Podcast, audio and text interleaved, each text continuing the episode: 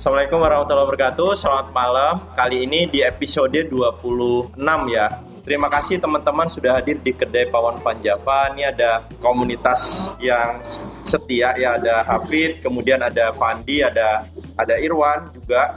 Kemudian teman-temannya Aji ini yang masih fresh fresh lah ya. Kemudian ada mas-mas yang di sebelah sini, salam kenal. Ketemu lagi bareng kita di Entrepreneur Talk by Banua School ke episode 26 dan kali ini sebenarnya mendadak ya teman-teman. Kenapa mendadak? Karena narasumber sebelumnya Mas Joko berhalangan. Kali ini kita kedatangan salah satu pesan kreatif di Kabupaten Berau namanya Aji dan ia adalah konten kreator dan juga banyaklah ceritanya mengenai kegiatan kreatif yang sudah dia buat bersama dengan rekannya Fandi salah satunya. Nanti kita akan mengulas lebih jauh ya. Selamat malam Aji. Ya, selamat malam. Apa kabarnya? Alhamdulillah baik. Gimana ini? Uh, rasanya baru per pertama kita undang terus kemudian udah mendadak gitu uh, kerasa gugup nggak? Ya rasanya kayak gimana ya? Rasanya aku gugup banget gitu. Gugup. Gugup dan kaget ya, ya. tadi tiba-tiba habis maghrib dihubungi Fandi untuk bisa ngisi di podcast kita dan juga itok kita di episode ke-26 dan uh, malam hari ini kita kasih tema nih Aji. Ya sorry banget ini mendadak. Tema kita adalah konten kreator dalam mendukung pembangunan digital kreatif di era industri sekarang. Nah Aji boleh cerita nggak uh, sejarahnya gimana sih menjadi seorang konten kreator? Saya ngelihat podcast, eh sorry, saya ngelihat Instagram kamu, Instagramnya Fandi, kalian suka duet bareng dan ternyata cukup menggiurkan gitu ya untuk bisa mengisi uh, di tengah perkembangan industri kreatif sekarang gitu. Uh, bisa cerita nggak sejarahnya dulu prestasinya kemudian awal mula kenapa sih aktif di sebagai konten kreator sekarang gitu? Uh, kalau dulu itu semenjak saya masih duduk di bangku SMA dari hmm. kelas 1. Pertama per, pertama itu awalnya saya pinjem kamera kakak saya hmm. iseng-iseng kan coba-coba untuk uh, dokumentasiin acara salah satu acara di sekolah lah pokoknya. Mm-hmm. Terus dipercaya sama guru. Habis itu ya coba fotografi dan lain-lain sebagainya. Habis itu saya dipercaya untuk ikut lomba film pendek FLS 2N tahun 2015 kalau nggak salah. Wait, Dulu sekolahnya emang di SMK digital ya? Enggak, saya SMA PGRI. SMA PGRI berarti umum ya? Iya umum. Oke, terus terus? Uh, itu juga salah satu hobi saya dari saya SMP saya pengen banget jadi fotografer videografer dan baik dan lain-lain sebagainya. Jadi hmm. uh, cita-cita itu sedikit tercapai waktu di SMA jadi okay. setelah, pas pas sudah di SMA itu setelah saya dipercaya sama guru untuk ikut lomba uh, di FLS 2N tahun 2015 kalau nggak salah kalau itu 2016 untuk ikut film pendek dan itu belum lolos sih. Jadi jadi saya kayak wah saya harus berkembang lagi gitu Oke, okay. nah itu tingkat nasional atau lokal waktu itu? FSLDLN? FLS 2N. F FLS 2N ya? Di kabupaten. Tingkat kabupaten. Oke. Okay. Uh, terus uh, waktu itu yang diangkat temanya tentang apa? Yang diangkat tentang bebas sih sebenarnya, cuman kalau kami angkat itu dari tema kerajaan film pendek. Oke, okay, berarti kan kalau di Berau ini ada di Gunung Tabur sama Sambaliung ya Ji ya. Nah waktu itu ngambil yang mana? Ngambil di Keraton Gunung Tabur kebetulan memang uh, lokasi syutingnya harus di situ. Oh jangan-jangan saya tahu nih nama kamu kan Aji nih. Biasanya kalau Aji Aji itu kayak ada keturunan kerajaan gitu ya? Iya ada dari kakek. Wah luar biasa. Pantes saja. Nah, terus waktu itu konsennya ke mana? Ke story atau sejarah atau mungkin mengangkat um, keberadaan Kesultanan Gunung Tabur itu bagaimana sih eksistensinya sekarang gitu? Uh, kalau waktu itu bukan ngangkat dari kerajaan yang ada di Kabupaten Berau, tapi uh. cerita fiksi saja. Jadi fiksi, ya, okay. fiksi dari pemikiran kami okay. langsung kami coba dalam film pendek. Oke, okay. siap. Berarti itu uh, fiksi ya, ya tapi fiksi itu temanya mengenai kesultanan kerajaan ya, ya kerajaan. Ya. Cuman memang storynya itu berdasarkan gua pikir teman-teman. Ya. Oke. Okay. Nah, ya. setelah itu ada nggak mencoba lagi untuk membuat uh, video lagi setelah mengikuti event itu? Ya, setelah itu ada lagi waktu diberikan tugas sama guru-guru ya kan Oke. buat disuruh buat film dokumenter tentang bagaimana sih uh, wali kelas yang ini? Bagaimana sih guru yang ini? Nah jadi kami buat uh, satu kelompok nih satu kelompok. Ya jadi saya buat. Oke. setelah itu sudah jadi dan tiba-tiba teman-teman yang lain kepikiran buat minta editkan Oke. ya jadi saya berpikir wah ini peluang bisnis nih. Hmm. jadi saya coba nih. Kelompok pertama minta "Ah, Ji tolong editkan dong. Soalnya kami kelompok kami nggak ada yang bisa ngeditin oh iya nggak apa-apa buat kalian saya kasih murah 50 ribu lah soalnya editor-editor lain tuh biasanya jutaan lah ya Hmm. jangan kasih tau kelompok yang lain Oke. tapi setelah kelompok yang lain minta Ji tolong editkan saya naikin harganya Hmm. Ji, eh, untuk untuk kelompok yang kalian ini khusus 100.000 ribu soalnya kelompok yang lain sudah aku kasih mahal. Hmm. Jadi jangan kasih tau kelompok yang lain. Terus kelompok-kelompok yang lain jadi ikut juga gitu. Oke. Nah, waktu itu waktu uh, membuat video belajar nggak sih diajarin nggak di sekolahan cara ngebuat video dan lain-lain Kalau di sekolahan belum pernah sama sekali diajarin, jadi saya otodidak. otodidak ya. Oke, termasuk uh, bagaimana membuat sebuah story, membuat sebuah skenario dari video itu sendiri memang otodidak waktu itu Iya, ya. benar, otodidak. Oke. Terus um, setelah itu apa lagi Ji, yang dilakuin gitu? Dari awal mula kan dari uh, mengikuti program video apa lomba video ya Iya. sehingga tergugah uh, passionnya tuh dapat di situ gitu. Nah selain itu apa Ji yang sudah dilakuin gitu?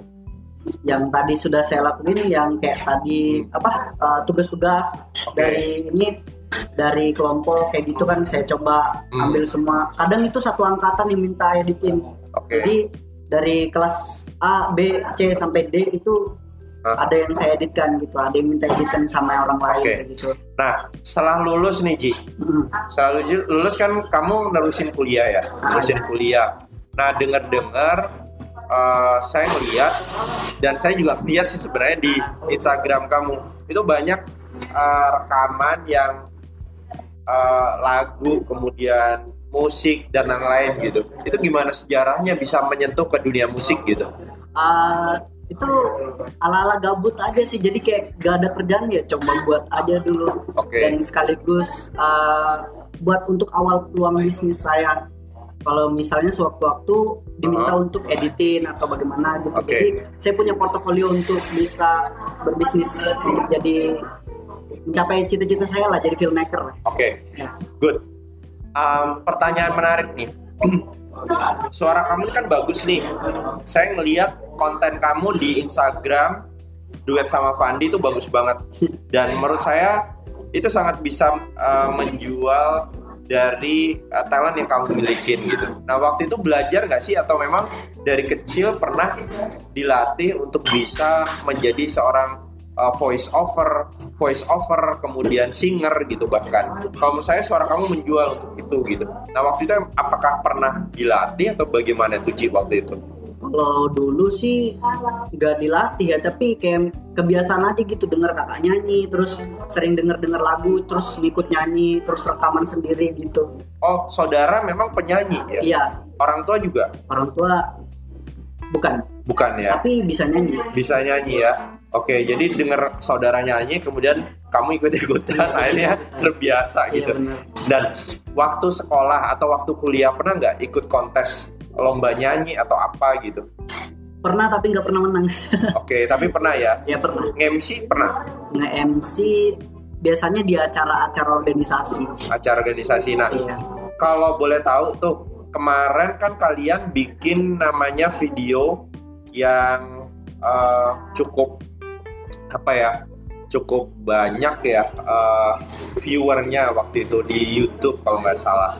Ingat nggak sih yang eh, isinya adalah mengenai lagu khasnya Berau ya atau mengenai itu loh, mengenai bana ya bangsa Babiran. Oh. Kan salah satunya kamu ya, Ji? Ah, saya cuman ngedesain aja ngedesain sama si Fandi kan. Iya, sama Nah, setelah itu ada nggak sih yang mau dikrit lagi gitu dari yang kemarin? Kan itu saya lihat subscribernya cukup banyak, kemudian yang nge-like juga banyak tuh.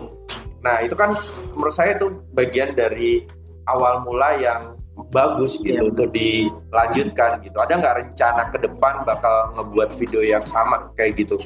Kalau video yang sama mungkin enggak, tapi saya mau coba buat konsep yang berbeda. Oke. Web series namanya. Web Web series. web series itu gimana ceritanya? Film pendek yang berepisode. Oke, film pendek yang berepisode Kalau ya. kalau drama Korea kan biasanya uh, berepisode tapi dia panjang banget gitu kan Oke. biasa sampai satu jam dua jam gitu ya kan. Oke. Kalau saya mau coba buat web series. Jadi uh, web series itu di mana kita mau ngangkat salah satu uh, apa yang ada di Kabupaten Berau gitu loh. Oke. Bisa dibilang promosi Oke. lewat web series. Oke. Nah, eh, kamu kan passionnya nih sama nih sama Fandi Iya. salah satunya ya dan teman-teman yang lain ya. Tapi saya karena kenalnya kalian berdua nih ya. Nah, eh, menurut saya itu menjadi sebuah kekuatan buat teman-teman. Kenapa di tengah eh, keperkembangan videografi sekarang sem- semakin pesat? Kenapa demikian? Karena semua industri eh, baik itu bidang usaha apa pun gitu. Sekarang pendekatannya adalah ke video ya, sesuatu yang dini, eh, yang lebih eh, bermakna untuk eh, memasarkan sebuah produk atau mengenalkan sebuah unit usaha gitu ya. Itu akan lebih interest dari customer ataupun uh, masyarakat itu dari uh, pendekatan secara visual. Nah, visual itu bukan hanya foto, tetapi juga video. Namun yang paling menarik adalah video. Kenapa video? Karena di dalam video itu story-nya dapat step by step itu uh, tersirat gitu ya. Kalau foto kan lebih banyak ke uh, sesuatu yang tersirat tetapi dia statis gitu ya. Statis. Sementara video kan dinamis ya. Dan menurut saya itu menjadi salah satu peluang yang besar buat teman-teman termasuk Aji. Ngomong-ngomong nih soal tadi sing uh, lagu ya, saya mungkin boleh nggak kamu bisa memperkenalkan ke teman-teman yang ada di kedai ini, kemudian yang ada di live Instagram dan saya ini saya rekam di podcast di Spotify dan juga Anchor. Em, kamu nyanyi deh salah satu lagu atau uh, konten yang sudah kamu buat dan oke kamu menguasai Ah, tanpa teks. Gimana? tanpa teks. Ah, langsung nyanyi nih. Iyalah. Oke. Nah teman-teman pengen denger nih, ini cewek-cewek barangkali bakal nyangkut. Ah, langsung rap aja kali ya. Iya. Oke. Sudah katakan cinta sudah ku bilang sayang namun kau hanya diam tersenyum kepadaku.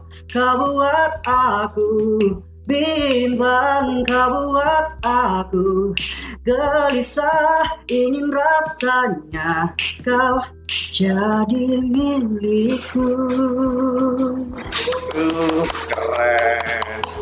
Emang suara kamu tuh suara emas ya? amin Keren banget. Saya kenal suara kamu tuh waktu uh, Fandi bikin salah satu video mengenai lingkungan waktu itu. Lagu mengenai lingkungan kalau nggak salah. oh iya lagu mengenai lingkungan yang dibuat Fandi dan teman-teman waktu itu.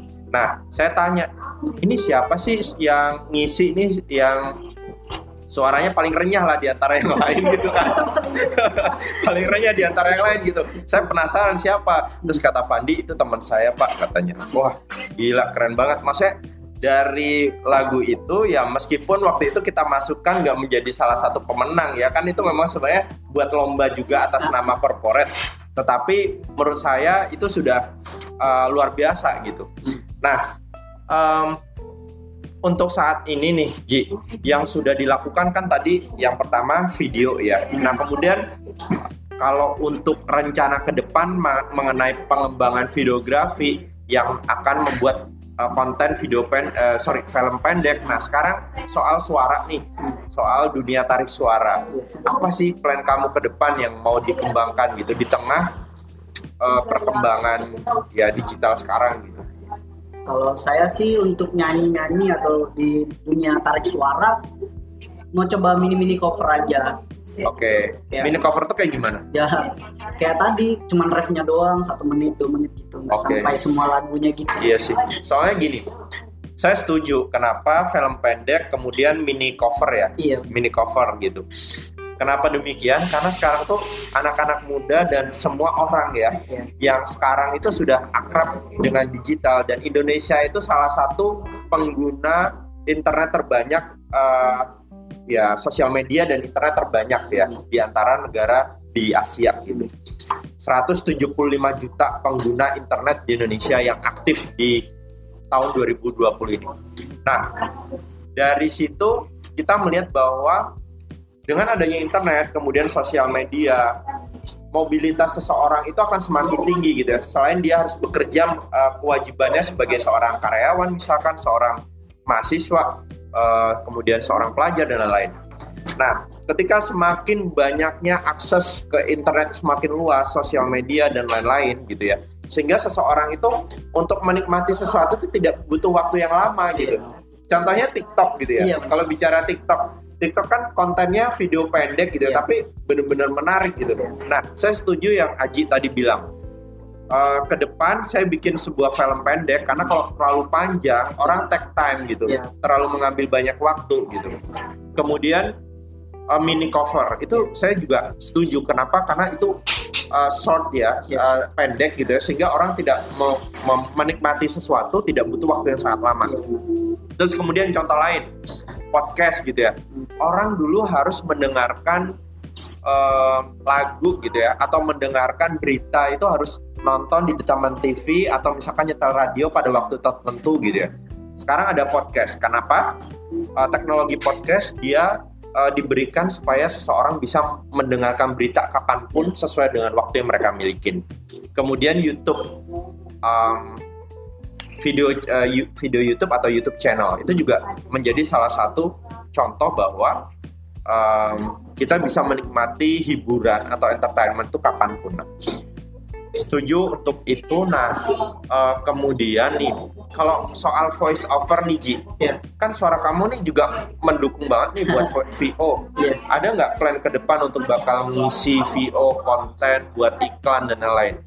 Untuk voice over belum kepikiran sampai sekarang sih soalnya kan Hmm. uh, teman-teman tiba-tiba langsung dengar gitu aja loh. Oke. Jadi kayak teman-teman minta coba voice over Ji. Ya saya coba. Ya bilangnya bagus gitu ya udah. Oke. Tapi nggak ada nggak ada niat untuk ngembangin itu sih. Tapi Oke. kalau misalnya ada tawaran untuk teman-teman, saya insya Allah kembangkan. Oke. Nah, yang menarik nih Ci, lo kan uh, kamu kan uh, tergabung dalam komunitas genre ya. Iya. Genre itu apa sih? Genre itu adalah generasi berencana atau genre itu bisa dibilang program dari BKKBN. BKKBN, Ya, generasi rencana. generasi berencana. Berencana. Nah, itu berencana untuk apa? Berencana untuk penyiapan berkehidupan berkeluarga bagi, remaja. Oke, jadi 11 12 sama keluarga berencana ya? Ya, 11 12 cuman ini uh, lebih fokus ke remajanya. Jadi, Remaja. selain remajanya itu fokus ke keluarga, dia diisi dengan materi-materi dengan keremajaan tentang 8 fungsi keluarga, uh, bahayanya HIV dan AIDS, Oke. terus um, pendewasaan usia perkawinan, life skill atau keterampilan hidup, uh, Terus apa lagi? uh, masih banyak lagi lah. Keren juga ya. Itu berarti di bawah BKKBN. Iya di bawah BKK. BKKBN itu Badan Keluarga Pendudukan keluarga. Kebenaran Keluarga Berencana Nasional ya. Oke. Nah, oh jadi levelnya itu bukan hanya orang yang sudah berkeluarga, anak remaja pun juga Ya. ada ya. Jadi genre itu targetnya ada dua. Eh, ada sorry, eh, genre itu targetnya ya ada dua. Orang tua yang memiliki remaja sama remaja. Orang tua yang memiliki remaja sama remaja. Remajanya langsung. Bahkan orang tua yang belum memiliki remaja juga bisa. Jadi Oke. OTW punya remaja. Kamu sebagai apa nih di genre G? Eh, saya dimisioner sebenarnya. Dulunya apa? Sebagai ketua atau apa? dulu kepala departemen pendidikan dan pengembangan di Pusat Informasi Konseling Remaja Barinta. Barinta. Iya. Barinta itu levelnya di eh, Kabupaten Berau ya. Iya, kalau PIK itu sendiri sebenarnya ada dua PIK masyarakat sama PIK jalur pendidikan. Kalau PIK masyarakat itu seperti PIK remaja Barinta uh, yang ibaratnya dia daerahnya di luar dari sekolah atau pendidikan. Kalau Hmm. untuk jalur pendidikan ya seperti sekolah atau fakultas gitu. Oke. Nah, yang kamu dapetin nih, Ji, setelah aktif di genre itu apa? Apakah tiba-tiba langsung kepikiran wah aku takut nih mau nikah dini atau nikah muda gitu. Aku harus matang dulu baru harus nikah gitu atau gimana? Pernah ngerasain sebelum mengikuti itu atau kamu tergabung itu karena waktu itu pengen nikah muda atau gimana? Enggak ya? Enggak uh, waktu itu tergabungnya saya di genre itu karena memang saya lihat program-programnya sudah lumayan bagus loh. Ternyata sampai ke sini saya lihat wah ternyata memang benar-benar matang dari awal sampai nanti kita berkehidupan berkeluarga hmm. itu benar-benar direncanain gitu loh Oke. Okay. Jadi mau ke mana kita nanti, mau ke mau mau ngapain kita nanti dan apa yang nanti kita capai itu sudah direncanakan dari awal. Oke, okay, good. Nah, kegiatannya waktu itu lebih ke sosialisasi ke remaja-remaja ya. gitu ya. Oke. Okay. Nah, yang menarik lagi nih, Ci. Aku lihat uh, dengar-dengar kamu juga mantan duta eh bukan mantan ya. Masih sampai sekarang. Sampai sekarang ya, ya. Uh, Agai Ula ya waktu Agai itu. 2020 Agai 2020 itu waktu itu 2020 ya. Waktu itu pemilihannya kapan? Uh, bulan apa ya? Bulan awal tahun kemarin ya Ji? Uh, bukan. Masih di di pertengahan tahun. Pertengahan tahun. Ya. waktu itu the best favorit atau apa runner up 2 atau juara 3 Agai tahun 2020 Kabupaten Berau. Wah, keren. Nah, menurut kamu waktu itu uh, kamu confident sih bisa menjadi seorang Agai gitu ya. Waktu itu keunggulan yang kamu berikan buat pemerintah apa sih uh, yang yang menurut kamu itu adalah keunggulan dan bisa kamu sampaikan kepada pemerintah sehingga kamu terpilih sebagai runner up? Uh, saya punya program waktu itu uh, untuk memperbaiki tanggung jawab tanggung jawab para remaja atau bahkan influencer sekaligus agar bisa menjaga budaya-budaya yang ada di Kabupaten Berau dan ya ibaratnya lingkungan-lingkungan yang ada di Kabupaten Berau itu benar-benar dijaga jangan, jangan sampai uh, kotor atau rusak begitu loh. Karena kan waktu itu sempat ada insiden lah ibaratnya. Jadi jangan sampai ada lagi kayak gitu bahkan kita coba pahamkan semua influencer kalau bisa. Okay. wisata yang ada di Kabupaten Berau bahkan wilayah-wilayah yang ada di wilayah mereka lah yang ibarat influencer itu coba mempromosikan. Kalau misalnya kita berwisata itu jangan sampai kita merusak. Oke. Okay. ya, kita berwisata itu artinya ya benar-benar hibur diri sendiri sekaligus kita menjaga. Setelah kita menjaga lingkungan itu kan kita juga merasa terjaga kan karena lingkungannya enak gitu ya kan asri dan bisa bikin kita yeah, betah yeah. lah ibaratnya kalau misalnya berwisata gitu. Oke. Okay. Nah, waktu itu kegiatannya ngapain Ci? Apakah uh, sosialisasi ke sekolah-sekolah, kemudian diskusi dengan teman-teman yang remaja-remaja seperti teman-teman yang ada di sini gitu atau kayak gimana? Kalau untuk Agai Ulai tahun 2020 ini hmm? karena masih masa pandemi, hmm? jadi kami cuman karantina dan pertemuan sebentar saja dan itu pun isinya sedikit banget sih okay. peserta dan beberapa panitia aja. Oke. Okay. habis itu ya cuman memperkenalkan program diri masing-masing dan uh, tanya jawab.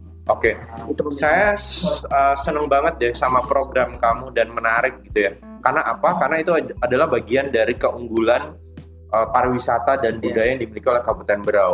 Nah bagaimana bisa menjaganya bukan hanya orang dewasa ataupun ya, uh, pemerintah sekarang bahkan tetapi yang paling penting adalah remaja-remaja yang nantinya akan meneruskan kepemimpinan yang ada di Kabupaten Berau. Nah, uh, waktu itu pada saat uh, kegiatan pemilihan AG dan ULE sempat nggak kamu nyanyi atau apa bikin performance apa gitu? Untuk itu penampilan bakat saya mau coba beda sendiri karena apa? banyak yang nyanyi, nari. Saya apa? mau coba monolog monolog itu kayak gimana? Monolog itu suatu drama yang ditampilkan dalam satu dialog atau satu pembicaraan, satu pembicaraan. Jadi hanya satu satu per, uh, satu peran, satu peran atau satu aktor. Satu aktor. Oh gitu. Iya gitu. Tetapi dengan berbe berbeda suara gitu ya? Enggak. Uh, waktu itu konsep saya masih ya saya sendiri gitu. Oke. Okay. Tapi bisa saja kalau untuk monolog itu uh, beda karakter gitu. Ya udah. Uh, beda karakter. Kayak pernah nggak ngelihat ini salah satu uh, voice over film kartun yang suaranya tuh banyak banget cewek siapa yang namanya? Cici. Eh C Cicil ya? Cacil. Ya kayak Cacil gitu kan. Kalau Cacil itu kan dia bisa memperankan berbagai macam peran gitu ya. Kalau monolog kurang lebih nggak seperti kurang itu lebih seperti itu. Dan kalau misalnya konsepnya benar-benar ganti-ganti karakter dia pasti uh, langsung benar-benar ganti karakter gitu. Oke. Nah Ji boleh nggak contohin monolog kamu yang kemarin kamu bawain waktu ini? Aduh. Masih ingat nggak? Lu oh ya sedikit sedikit Sed- nggak apa-apa deh refnya aja kalau misalkan lagu itu refnya. Itu monolog itu kayak ya penampilan drama gitu. Oh drama? Iya drama. Tapi nggak ada pembicaraan gitu? Pembicaraan ada sih. Coba pembicaraannya apa waktu itu yang diceritain?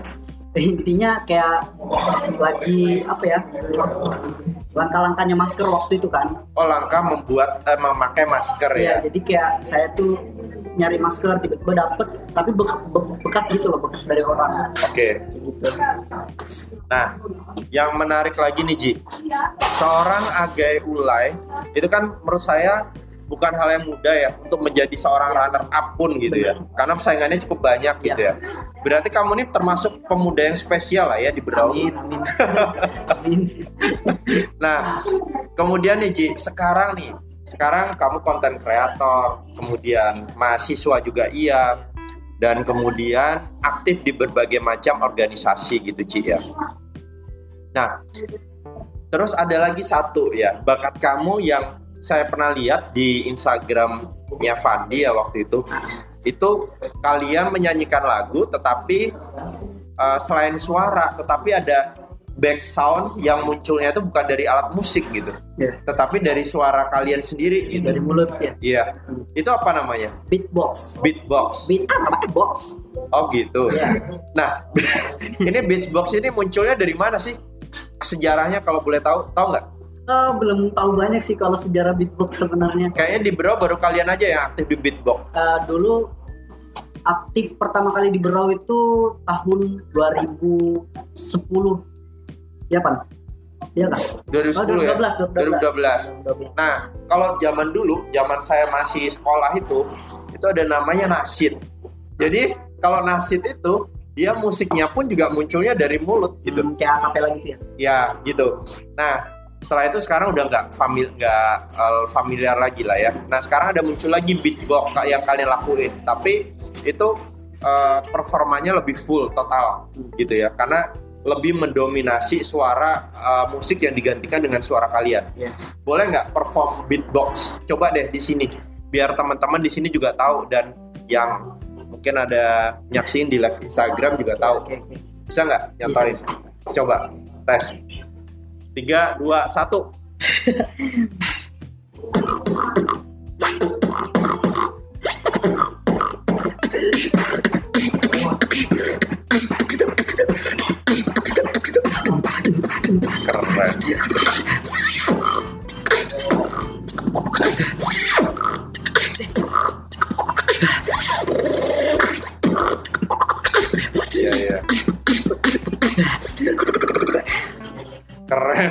Banget. Itu gimana belajarnya, Ji? Eh, kalau saya otodidak juga. Otodidak. iya. Eh, dan terus kok bisa ya? Maksudnya dari suara mulut gitu ya, jadi seperti kayak lagu eh apa kayak alat musik gitu loh. Nah, Saya nggak pernah ngebayangin kalau dulu zaman nasi itu tuh nggak seperti ini gitu. Nasi itu biasa aja, paling suara bass gitu aja. Cuman kalau ini kan udah bener-bener kayak perkusi gitu. Nah, em, kalau di industri kreatif gitu ya, beatbox ini aku belum pernah melihat. Saya ngelihatnya tuh dari kalian-kalian ini bahkan. Saya nggak ngerti ya apakah saya yang telat atau kayak gimana. Tapi sepertinya eh, mungkin perkembangannya baru-baru saja. Nah, kalau untuk beatbox kan itu bisa menjadi salah satu bahan untuk menjadi seorang eh, menjadi bahan dalam konten ya, konten eh, dalam sosial media dan lain gitu. Dan juga influencer. Nah, sekarang tema kita adalah konten kreator dalam mendukung perkembangan industri kreatif atau kreatif design dan lain-lain. Nah, menurut kamu apa yang bisa kamu berikan kontribusi? Apa yang bisa diberikan? Khusus beatbox ya. Kalau misalkan tadi nyanyi udah jelas, video udah jelas. Iya. Kalau untuk beatbox kira-kira um, ke depan bagaimana gitu? Apakah bisa menjadi salah satu tools buat kamu untuk mengembangkan uh, bakat dan juga menjadi apa ya menjadi sebuah media untuk ah, iya. menginfluence masyarakat dan lain-lain. Bisa dikolaborasikan dengan musik langsung. Kalau beatbox itu kan eh, bisa diakapelakan juga gitu. Jadi eh, ada suara drum dan suara-suara musik yang lainnya lah kalau misalnya beatbox itu. Jadi bisa dijadikan musik juga, musik cover juga kayak gitu.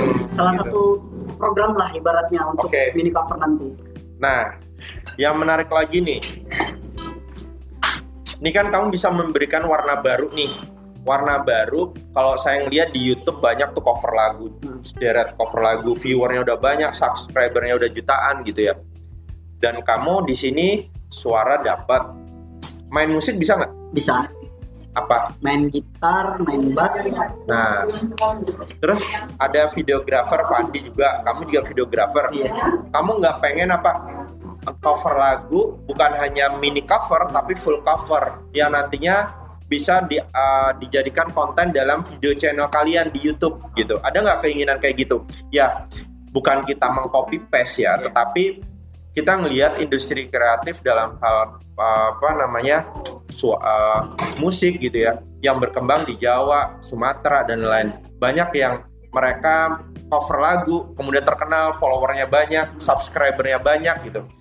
Saya saya sih setuju banget dan pengen banget kalian ini kan eh, salah satu orang yang the best lah. Nah, bisa nggak nantinya bisa menjadi seorang eh, pionir untuk dalam hal eh, konten kreator di video channel atau YouTube channel gitu ya untuk cover lagu bukan hanya mini cover tapi full cover. Nah barangkali bisa dikombin dengan beatbox kan kayaknya jarang banget tuh Ji, Iya, iya nggak? jarang tapi ada. Tapi ada kan, tapi ada. Barangkali ini menjadi sebuah warna baru yang sebelumnya tidak begitu Iya. blooming gitu kan. Benar. Saya ngeliat yang di Instagram terakhir yang diupload Fandi itu bagus banget. Bisa nggak dicontohin sekarang? Yang kemarin sama Fandi. Yang yang oh, yang collab sama Pandi. Iya, Eh, it- itu nggak bisa sekaligus sih jadi Oh, bisa harus ya? collab ya oh, harus collab ya. Oke, siap siap. Itu lagu apa sih kemarin dinyanyikan? jadi dua dua lagu yang dinyanyiin Pump It sama Where Are You Now Where Are You Now? ya Keren keren. Oke, nah planning ke depan nih, planning ke depan tadi udah disampaikan. Nah renca- eh, rencana strategis yang nyata sesuai diskusi kita beberapa waktu lalu ya sama Fandi gitu ya. Ada nggak keinginan dan eh, yakin nggak bakal dilakuin kalian bikin brand khusus gitu ya sebagai eh, kreatif event atau kreatif eh, desainer gitu ya? Entah itu namanya ntar uh, Fandi dan Aji misalkan FA Brother misalkan gitu ya FA kreatif uh, designer misalkan atau apalah bentuknya gitu. Supaya ketika kalian memiliki sebuah brand gitu ya itu akan menjual dan bisa bermitra atau bahkan memberikan kerjasama dengan pihak lain gitu Ji. eh ya. Bisa bisa jadi kita mau laksanain karena ya itu salah satu peluang, bisnis juga kalau di Kabupaten Berau. Ya. Eh, awal dari semuanya lah ibaratnya untuk kami biar bisa berkembang lebih jauh lagi. Mhm. sesuai diskusi kami sama saya sama Pandi kemarin mau buat yang namanya startup kalau nggak salah ya Pan? Yes ya startup. startup. Jadi eh, kita tuh mau coba eh, apa ya nyiapin freelancer freelancer yang ada di Kabupaten Berau untuk bisa nyediain eh, jasa desain gitu atau Hmm. jasa videografi dan jasa-jasa yang oke. digital lainnya gitu agar mempermudah gitu. Kalau misalnya ini kan kalau di Indonesia kan ada yang namanya sebut merek nggak apa-apa nggak apa-apa. Gojek misalnya. Iya ya kan dulu kan nggak ada yang namanya ojek online kan Iya. semenjak adanya Gojek jadi lebih mempermudah uh, masyarakat agar bisa mesen Iya. ojek kayak gitu kalau kita kan uh, harus ke kalau misalnya freelancer freelancer itu kan harus datangin orangnya atau menghubungin orang itu kan Hmm. kalau kami mau coba buat aplikasi juga tapi uh, isinya freelancer yang ada di situ yang available Hmm. atau yang bisa dipakai lah ibaratnya Iya. untuk Hmm. uh, apa Iya. untuk buat satu desain atau jasa Yes. digital gitu. Ya, bagus banget idenya dan menurut saya itu pasti akan berkembang. Kenapa? Karena dengan adanya kalian yang akan mengakomodir berbasis digital atau berbasis website gitu ya dengan mengakomodir beberapa freelancer dalam bidang video kreator. Nah, itu akan mempermudah uh, pihak ketiga atau uh, organisasi di luar sana ya, baik itu pemerintahan non pemerintahan, ya dan lain-lain itu akan bisa bermitra dengan kalian. Saya setuju banget dan menurut saya itu ide yang paling oke. Okay. Nah, um, yang saya sarankan adalah uh, itu akan segera bisa membuat uh, peluang baru dan juga akan menjadi salah satu pionir baru di Kabupaten Berau. Nah, teman-teman nggak usah worry bahwa market itu uh, sasarannya adalah di Berau. Kenapa? Kalau kalian sudah membangun atau mendevelop salah satu unit usaha yang berbasis digital, itu ibaratkan jendela dunia gitu. Karena uh, siapa pun yang berasal dari daerah mana pun itu akan bisa mem memakai jasa tersebut gitu. Nah, oleh karenanya usaha-usaha startup yang memang ranahnya adalah ke arah digital uh, approach gitu ya, itu akan selalu berkembang gitu. Di tengah dengan yang tadi saya bilang videografi, kemudian konten maker itu menjadi salah satu senjata buat uh, marketing, kemudian juga uh, bagi influencer seperti kamu.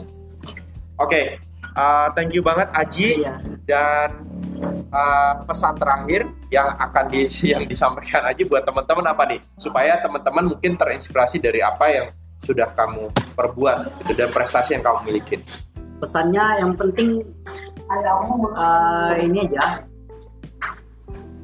fokus sama tujuan, jangan sampai kehalang sama hal-hal yang kecil Oke. Okay. Apa pun itu yang nggak peduli sama kita, mending kita fokus sama yang peduli agar kita bisa capai sama-sama tujuan gitu. Keren. Umur kamu berapa sekarang? 20 menuju 21. 20 menuju 21. Umur 20 21 sudah punya pemikiran seperti ini saya rasa memiliki uh, apa ya kelebihan yang luar biasa di usia sekarang dan sudah banyak berkontribusi dalam hal industri kreatif dan juga uh, influencer buat teman-teman remaja lainnya. Thank you banget Aji ya. Sorry mendadak banget iya, dan semoga uh, nantinya bisa ngisi lagi karena sebenarnya jadwalnya itu masih lama ya di Januari akhir. Cuman nggak apa-apa, kita geser ke depan. Next time kita akan bahas dengan topik yang lain ya. Oke, okay, uh, The Last mau perform lagi uh, cukup. Cukup ya. Oke, okay, nanti kita akan diskusi setelah kita uh, akhiri di sesi recording sekarang ya. Thank you banget Aji uh, dan teman-teman semua yang uh, mungkin nyaksiin di live Instagram dan ada ada yang di kedai dan juga rekan-rekan yang nantinya akan dengerin di podcast kita di BSC Podcast. Thank you banget. Sudah banyak uh, stay tune dan juga ngedengerin kita gitu ya. Semoga terinspirasi dari apa yang sudah diceritain oleh uh, gue star saya pada malam hari ini, Aji. Uh, sekian saya Iri, saya Saiful. Uh, see you di episode ke-27 di uh, Entrepreneurs Talk dan juga BSC Podcast. Assalamualaikum warahmatullahi wabarakatuh. Selamat malam dan bye-bye.